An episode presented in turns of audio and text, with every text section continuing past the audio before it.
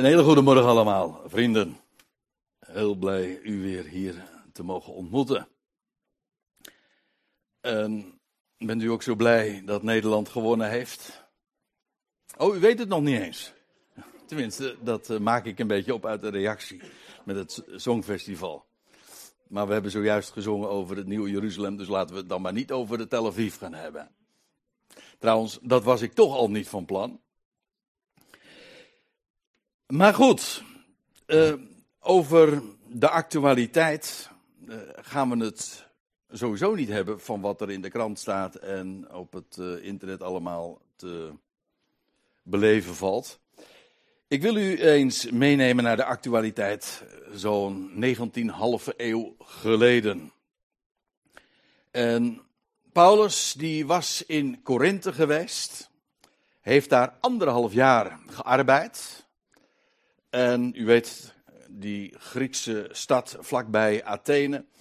En daar heeft hij eh, zo'n tijd vertoefd, is, heeft daar ook heel veel meegemaakt. En we weten daar het een en ander van, omdat dat allemaal uh, verslagen wordt in, uh, in het boek Handelingen, in Handelingen 18.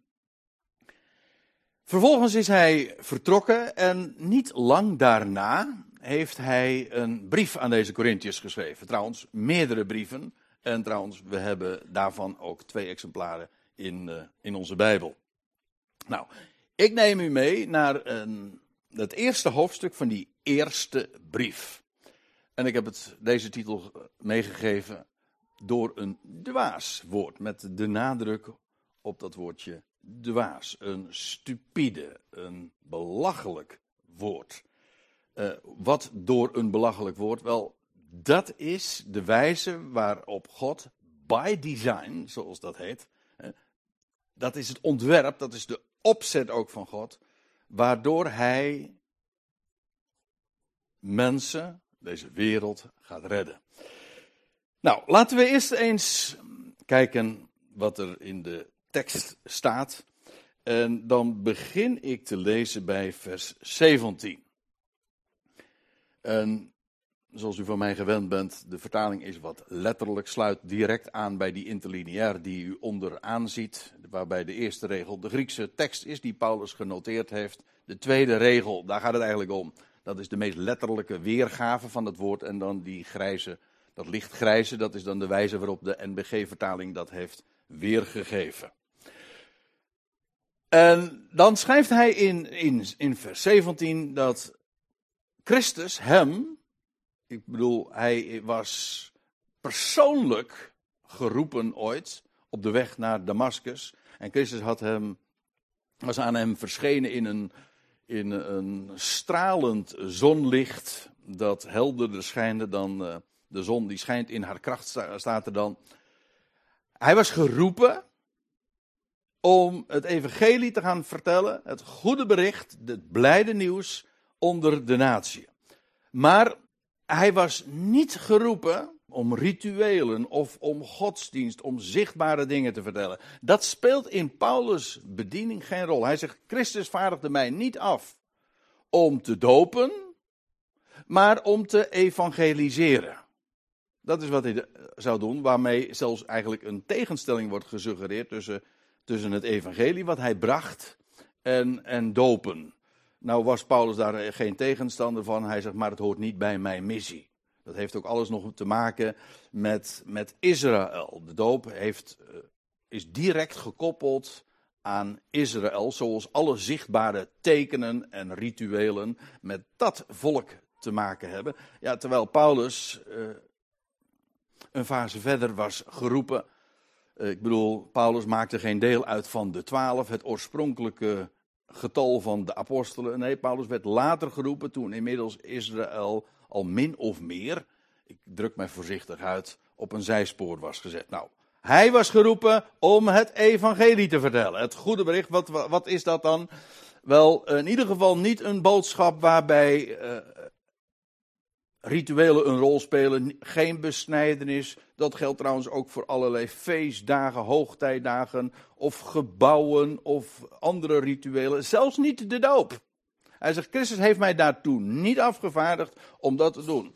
maar om te evangeliseren. En dan zegt hij er nog bij, niet in wijsheid van woord.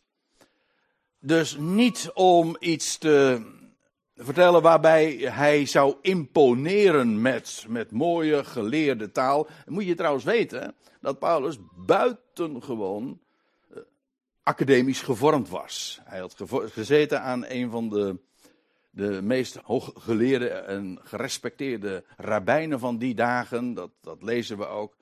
Dus uh, hij was buitengewoon bekwaam.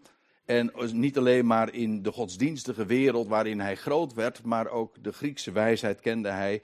Maar alles wat hij misschien qua natuur en van huis uit kon brengen, dat heeft hij allemaal terzijde gesteld. Rituelen speelden geen rol in zijn boodschap. En wijsheid van woorden, dat wil zeggen om te imponeren met geleerdheid en met boeken en dergelijke, al evenmin. Nog voor het oog, nog strelend voor het intellect was zijn boodschap. En hij motiveert dat ook. Hij zegt opdat het kruis van Christus niet ijdel gemaakt zou worden.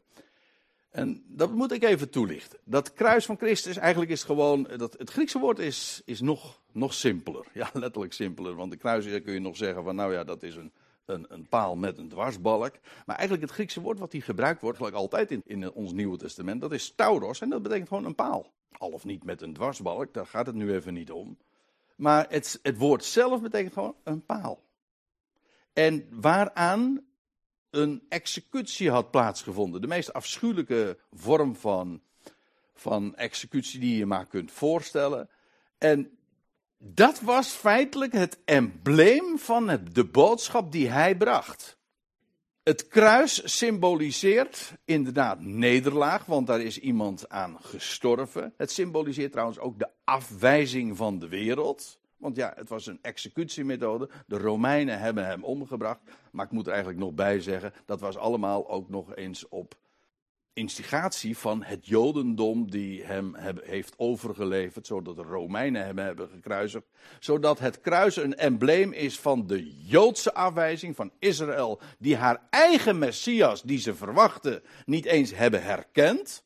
En een symbool van de afwijzing, de verwerping en de executie van de Romeinse wereld. En in feite daarmee ook een symbool van, van nederlaag. Ik denk dat we de, de kracht van dit woord op, in onze dagen moeilijk kunnen voorstellen. Zoals Paulus dat toen heeft gezegd. Kijk, bij ons heeft het kruis alweer een, is, is ook eigenlijk weer een godsdienstig embleem geworden. En je kunt met een zilveren kruisje om je, om, je, om je nek lopen. En dat heeft, ja, daar gaat dan ook weer sprake van uit. Maar het kruis is gewoon een embleem, het symbool van, van verwerping en van nederlaag. En van het feit dat de wereld daar niets van moet hebben. Dat is wat, het, wat dat woord stauros, dat kruis van Christus, uh, vertegenwoordigt. En Paulus zegt: Ik ben geroepen om dat te vertellen. Dus niet om te imponeren met rituelen of met geleerdheid, maar om een verachtelijk symbool, dat kruis, om dat te brengen.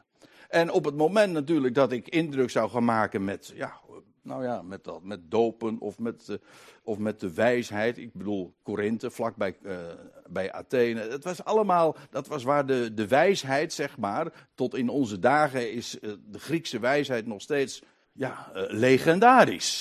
Je zou zelfs kunnen verdedigen dat de geleerdheid die we vandaag hebben, zijn bron vindt, zijn oorsprong vindt bij de grote Griekse denkers. En Paulus heeft daar niet aan meegedaan. Dat was niet zijn missie. Hij was geroepen om het kruis van Christus te brengen. En op het moment dat hij zou indruk zou willen gaan maken met andere dingen, ja, daarmee zou hij het kruis, die stauros, dat symbool van verachting, zou hij ijdel maken. En de grote vraag is dan, waarom? Dat is, dat is toch eigenlijk dwaas? Waarom niet komen met geleerdheid? Waarom niet komen met iets wat, wat ook voor het oog al indruk maakt? Daarmee overtuig je toch? Dat is PR-technisch eh, gezien, dat is toch handig? Het is toch stupide?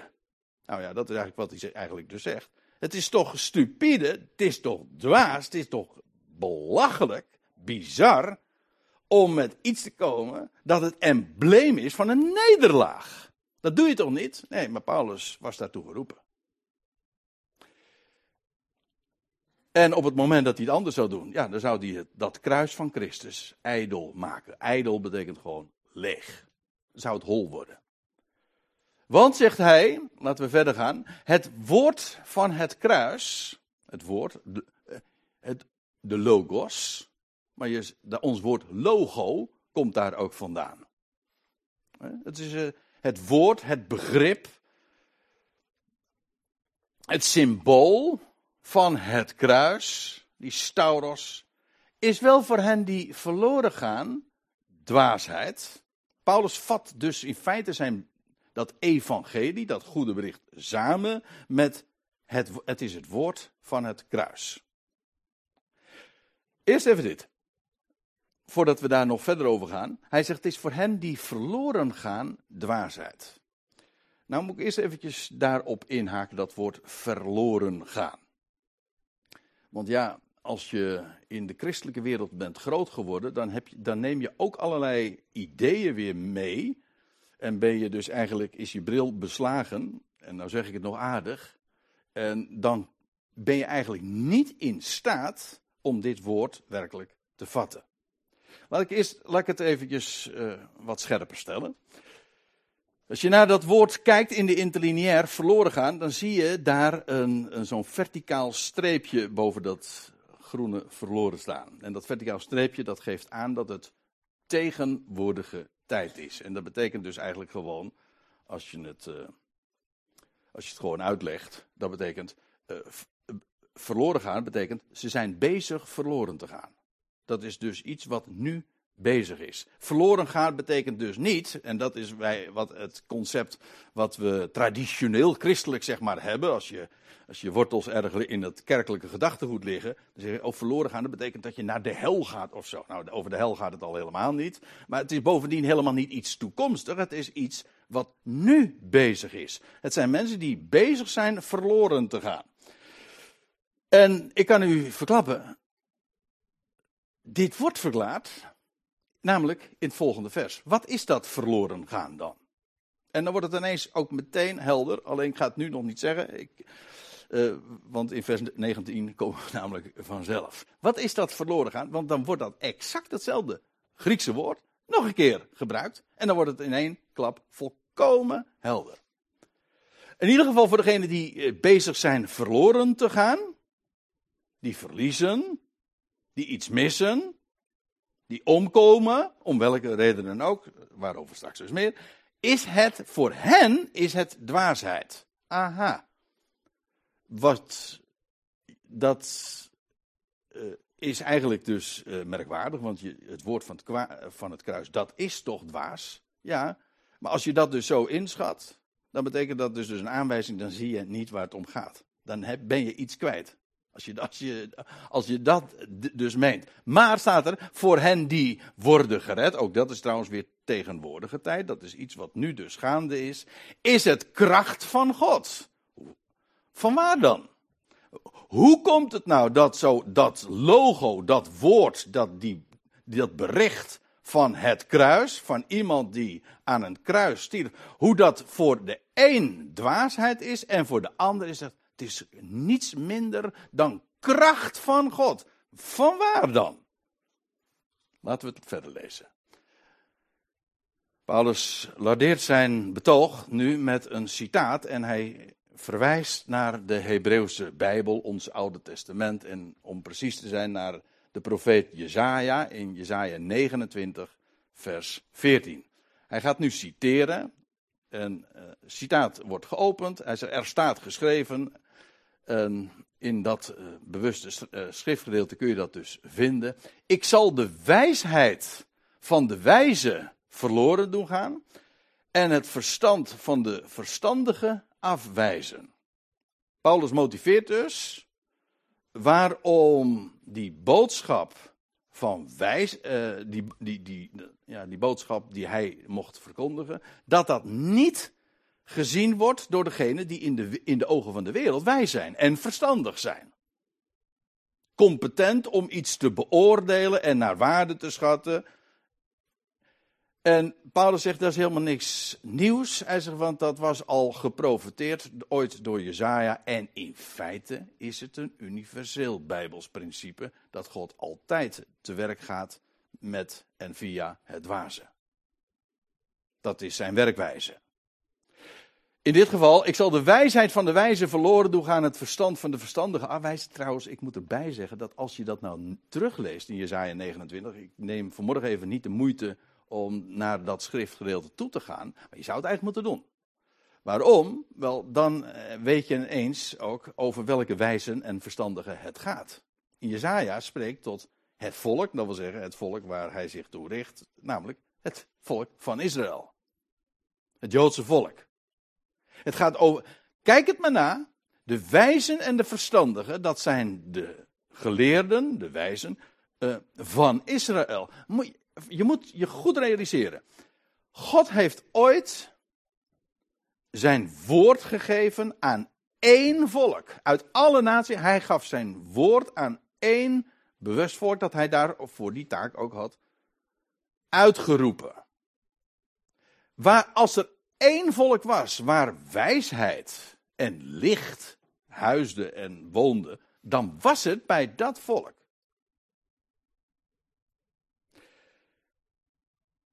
En uitgerekend bij de, de top van dat volk, waar, in het Jodendom, want daarover hebben we het dan. Met Jeruzalem als centrum en daar was de tempel en daar was het Sanhedrin en daar waren de grote Joodse scholen. Daar werd ge, gedebatteerd en daar werd voortdurend onderwezen. Een enorme schat aan, aan kennis huisde daar. En dat werd tot op de dag van vandaag trouwens, in het Jodendom, uh, wordt dat bewaard. En uh, dat is gigantisch. Een, een, wat voor een lichaam van kennis dat allemaal is. En uitgerekend bij dat volk, daar is Jezus Christus verworpen. Moet u nagaan, het Jodendom wacht trouwens tot op de dag van vandaag op haar Messias. Toen kwam hij en ze hebben hem niet herkend. Notabene degene die er altijd mee bezig waren. En die daarin zo geleerd waren. Dat is toch bizar? Ja, maar het is wel precies zoals al wordt voorzegd ook. Het, het volk was daar blind voor. En nou wijs ik u op trouwens nog even iets, en dat had ik al aangekondigd. Ik zei in vers 19 wordt vers 18 verklaard. Hè? Daar, wordt gezegd, daar werd, in vers 18 werd dus gezegd van eh, de, het is voor hen die verloren gaan een woord van dwaasheid. En hier wordt datzelfde woord nog een keer gebruikt. Ik moet er alleen bij zeggen, in de MBG-vertaling wordt dan gezegd. Ja, dan wordt het dan vertaald, dat zal ik. Hmm, verderven, ja. Maar het, het, is hetzelfde woord.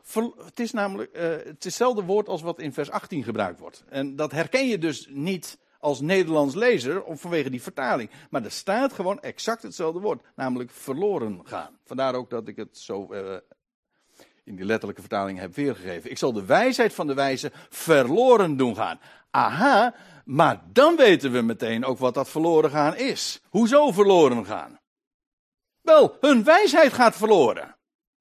Die wijzen, of wat daarvoor doorgaat, die gaan verloren. En wat verliezen ze dan? Wel hun wijsheid en daarmee ook hun reputatie. Ze worden gewoon te kijk gezet. Nou, daarmee komen ze als wijzen, eh, vallen ze door de mand en komen ze om. Dat is dat verloren gaan. Ze raken hun wijsheid kwijt en zijn dus blind voor de wijsheid. En daardoor raken ze hun wijsheid dus kwijt.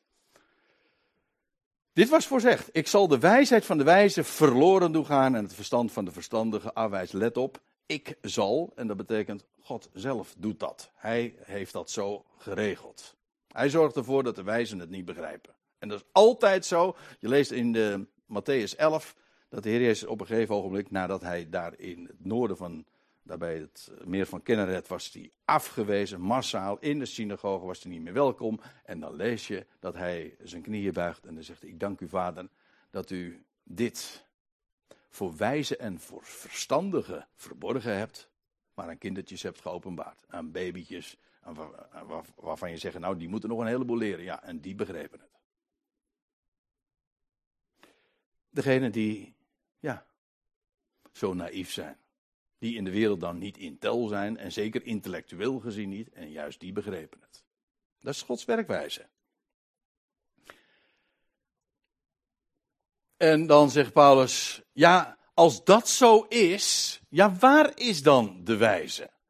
Eh, waar de schriftgeleerde, eh, waar de debater, de redetwister, zegt de NBG-vertaling, de debater van deze aion, van dit wereldtijdperk. Ik zei, het is in feite een universeel principe dat God met dwaasheid, met iets wat bizar is eigenlijk, te werk gaat en zo de overwinning behaalt. Kijk het maar na. Uh, noem maar een willekeurige Bijbelse naam. En, en je kunt daar gewoon iets bij uh, vinden waarvan je eigenlijk zou zeggen: van dat, dat, dat doe je toch niet op die manier. Ik bedoel, Mo, Noach die moest een een, een, gigantisch schip op het droge bouwen. Dat doe je toch niet? Dat is toch bizar?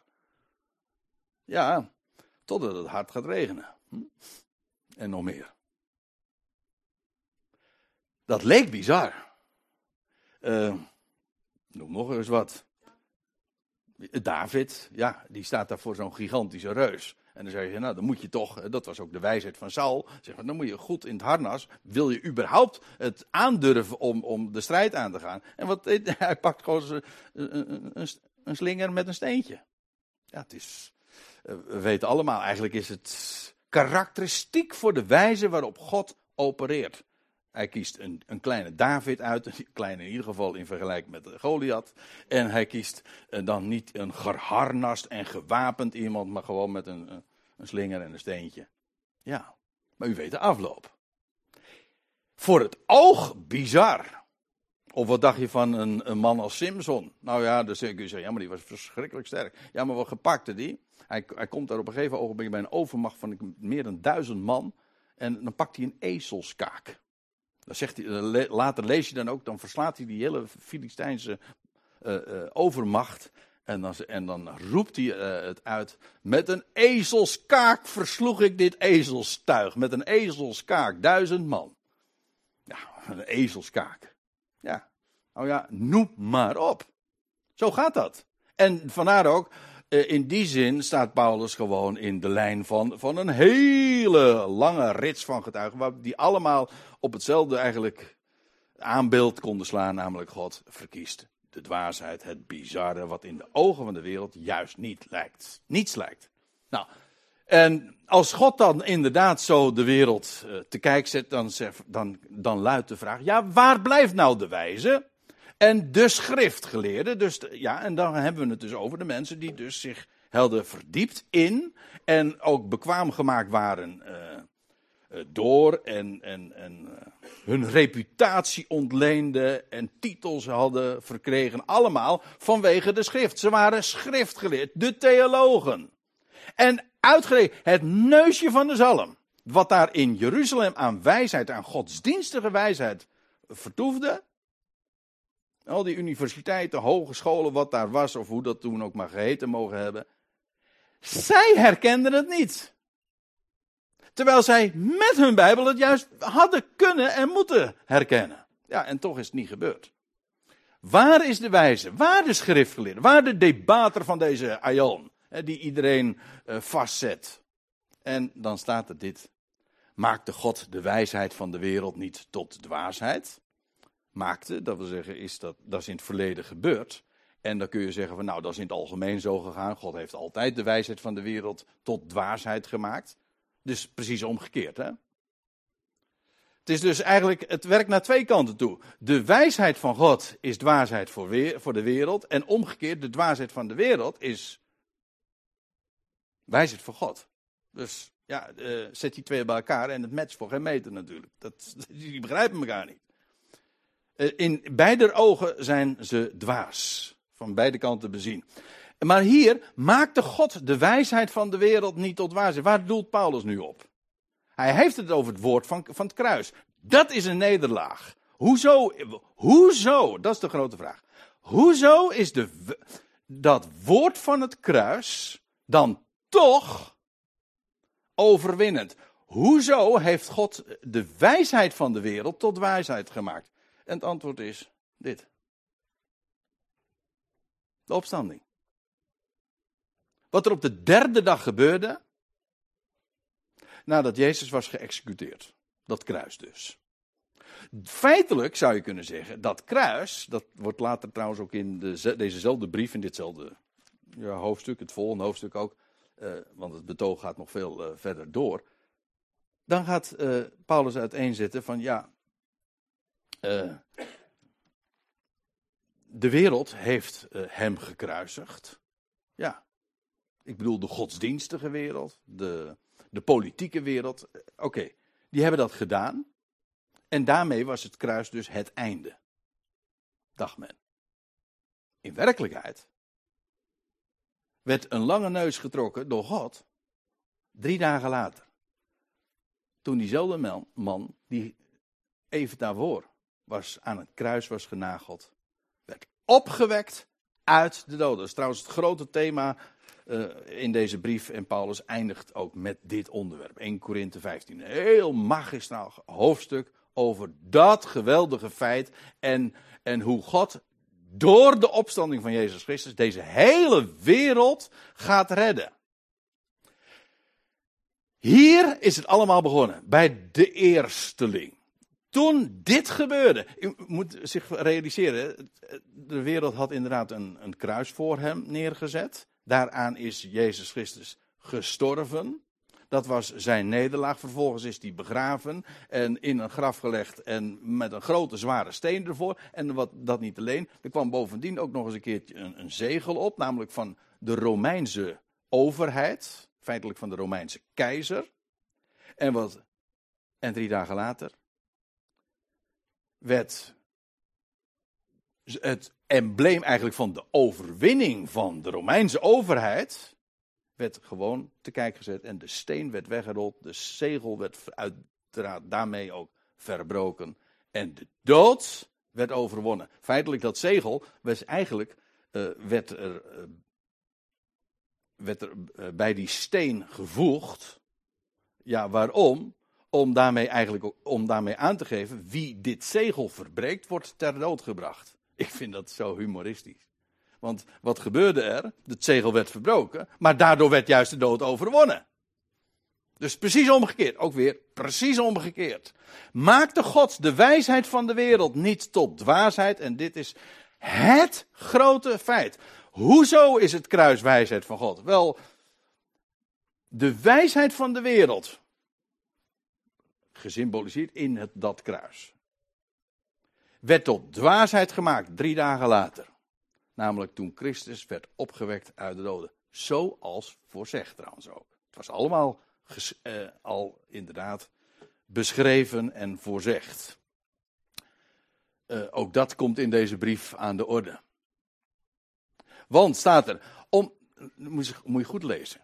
Want dit is een, een zin waar je gemakkelijk over kunt struikelen. Dat moet je heel aandachtig lezen. Er staat, want omdat in Gods wijsheid de wereld door de wijsheid God niet kende, heeft God een welbehagen om door de dwaasheid van de prediking te redden hen die geloven. Maar eerst even die eerste zin, of die, eerste deel van dat vers. Het is in Gods wijsheid dat de wereld door de wijsheid God niet kende. Aha, dus de wereld heeft zo zijn wijsheid, of wat daarvoor doorgaat. En die heeft wat hoor. Want ik had het net over de wijsheid die allemaal daar in Jeruzalem huisde. Maar als we dan eh, ook even gaan naar het, seculier, zeg maar, zoeken. En, en, en buiten Israëls landsgrenzen. En daar in Griekenland, waar Athene en, en, en zich bevonden. Daar was wat wijsheid. Ja, en wat blijkt nou? De wereld met al haar wijsheid heeft God niet gekend. En dat, dat symboliseert het kruis ook. Want toen kwam hij die was voorzegd. En wat deed men? Uitgerekend daar in Israël. Men heeft hem aan het kruis genageld. Dat kruis is eigenlijk daarmee dus ook de, het embleem van het feit dat de wereld door haar, ondanks of door haar wijze, God niet kende. En nou staat erbij, de wereld kende inderdaad God niet, door en ondanks haar wijsheid, maar dat is juist Gods wijsheid. Hebt u hem? Omdat in Gods wijsheid de wereld door de wijsheid God niet kende. Dat is dus, ik gebruikte dat woord al eerder, dus bij Gods design. Dat was het ontwerp. Zo bedoelt God dat ook. Dat is zijn opzet, zijn strategie. En aangezien dat zo is, omdat in Gods, in Gods wijsheid de wereld door de wijsheid God niet kende. Je ziet trouwens ook, eh, je zou het uh, zo dan kunnen weergeven dat wijsheid soms uh, een positieve betekenis heeft en wijsheid soms Eigenlijk zou je tussen aanhalingstekens moeten zetten. Hè? Want als hier staat, want omdat in Gods wijsheid, dat is echte wijsheid, de wereld door de wijsheid, of wat daarvoor doorgaat, hè, dus tussen aanhalingstekens, wat ze meent dat haar wijsheid is, God niet kende, heeft God een welbehagen, dat is een heel plechtig woord, betekent gewoon uh, een plezier erin. Dat vindt hij mooi.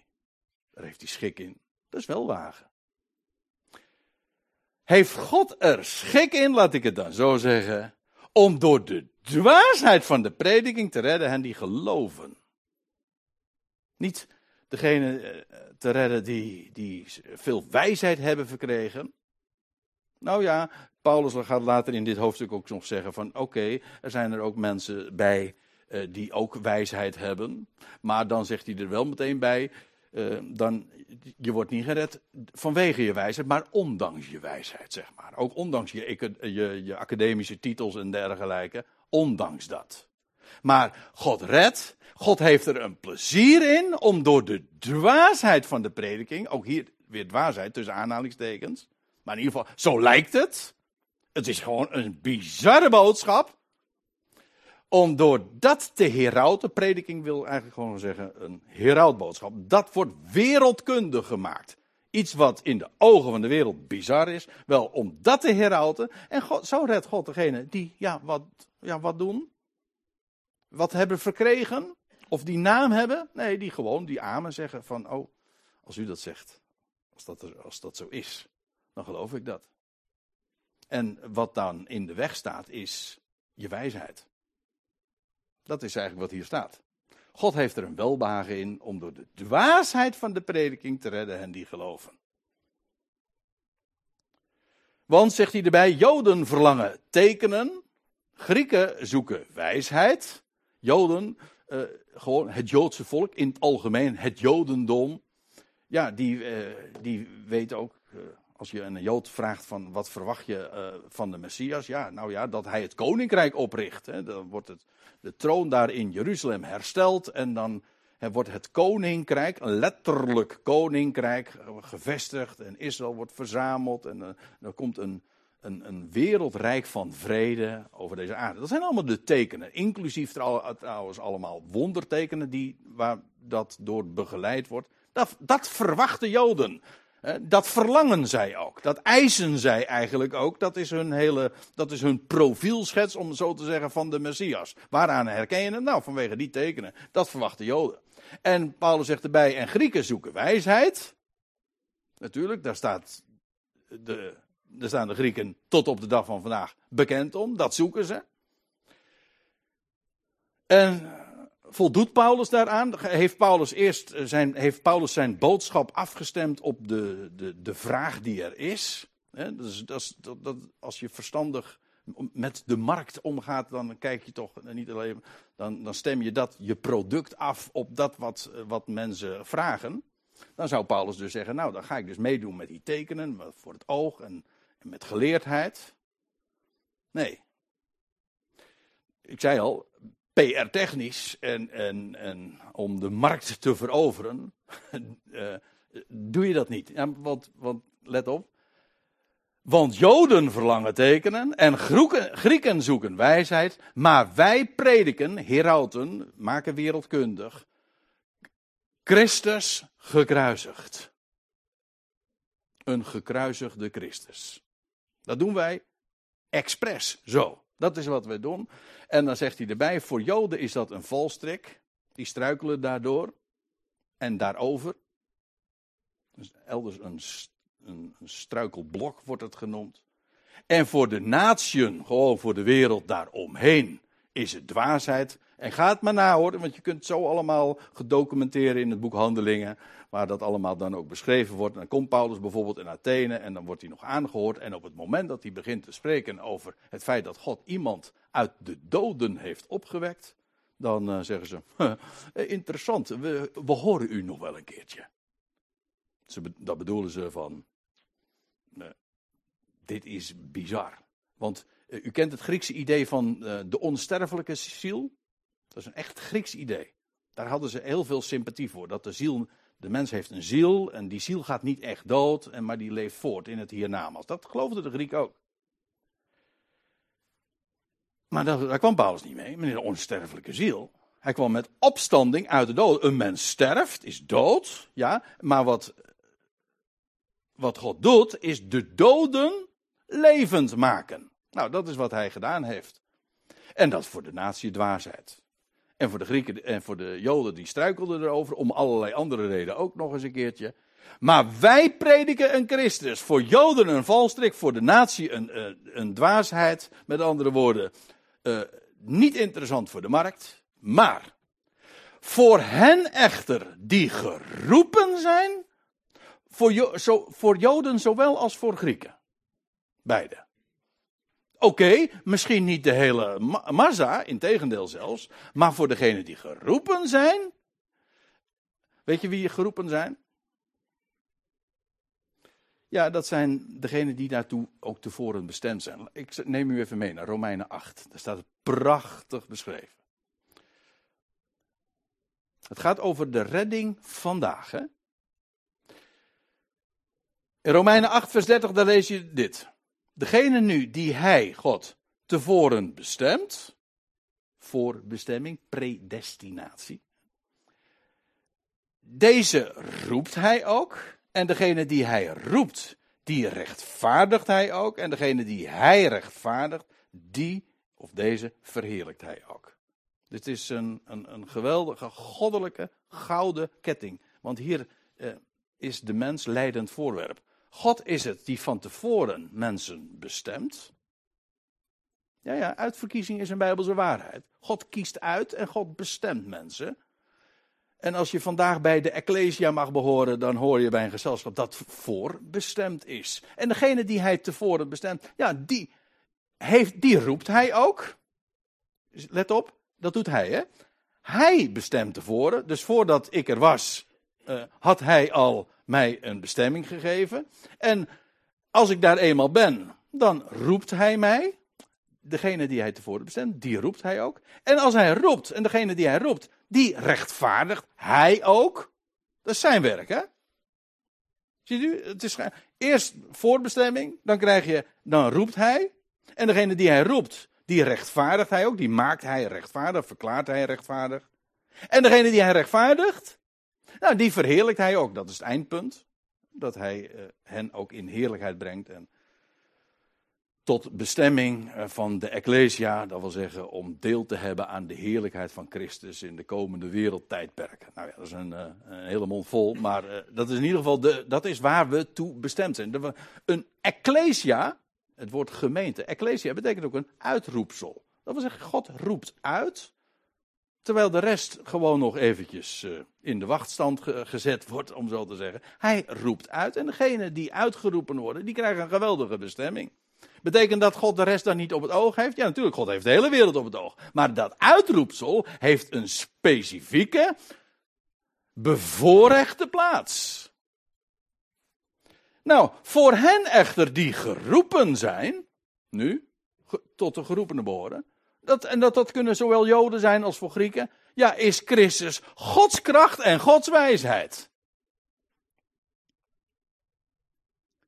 Dus je had eh, de, die gekruisigde Christus, Joden beacht, voor, hen is het een valstrik, voor de Grieken is het dwaasheid. Maar voor degenen die geroepen zijn, is Christus niet minder dan Gods kracht.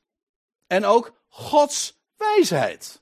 Dus precies het tegenovergestelde. In, uh, in de tweede Korinthebrief wordt dat prachtig uh, geformuleerd aan het helemaal aan het einde. Dit is het, eerst, begin van de eerste Korinthebrief. Maar als je aan het einde van de tweede Korinthebrief leest, hoofdstuk 13 vers 4, dan staat er dit. Hij, gaat het over Jezus Christus, is gekruisigd uit zwakheid. Maar hij leeft uit de kracht Gods. Dat hij, dat hij gekruisigd werd en zo stierf, ja, dat is de zwakheid. Maar dat hij vervolgens drie dagen later door Gods kracht werd opgewekt, dat de steen werd weggewenteld en dat hij de eersteling is van een hele nieuwe mensheid. En dat is Gods kracht. En degenen die geroepen zijn, diegenen die daartoe voorbestemd zijn, ja, die hebben daar oog voor. Die, daar valt het kwartje. Je ogen worden daarvoor geopend. En dat, weet je wat ik het geweldige daarvan vind? Dat is er geen mensenwerk. Als hier je ogen voor geopend worden, dan zeg ik, dank God, dat heeft hij gedaan. Hij heeft jou daarvoor overtuigd. En ik kan trouwens verzekeren, hij gaat elk mens hiervan overtuigen. Elk mens gaat zijn knieën buigen en met zijn mond beleiden, hij is Heer. En komt tot erkenning. Maar als je dat nu al mag doen, ja, dan komt dat omdat hij jou dat geloof geeft. Hij jou daarvoor en daartoe overtuigt. Dat is allemaal zijn werk. Dan ben je een geroepene. En dat is een buitengewoon groot voorrecht. En ja, waarom wordt het geherouwd? Nou, je, je, je zou kunnen zeggen van ja, wie heeft daar nou oor naar? Wie vindt dit nou interessant? Nou, de meesten niet. Die hebben daar geen oor voor. En er zijn een aantal die er wel oor voor hebben. En ze zeggen, wauw, geweldig. Zijn dat mensen die geleerd zijn? Nee, meestal niet. Kan wel hoor. Dan zegt Paulus ook, het is heel, hij doet er heel laconiek over. Het is geen bezwaar, het is geen onoverkomelijk bezwaar. Maar je moet niet denken dat dat dus eh, een, een voordeel is. Dat, dat, zo werkt het niet. Het is namelijk allemaal zijn werk en hij overtuigt je. En als hij je overtuigd bent, dan is dat een reden om op je knietjes te gaan en hem te danken. Dat ik het nu vandaag al mag zien. Dat is toch geweldig?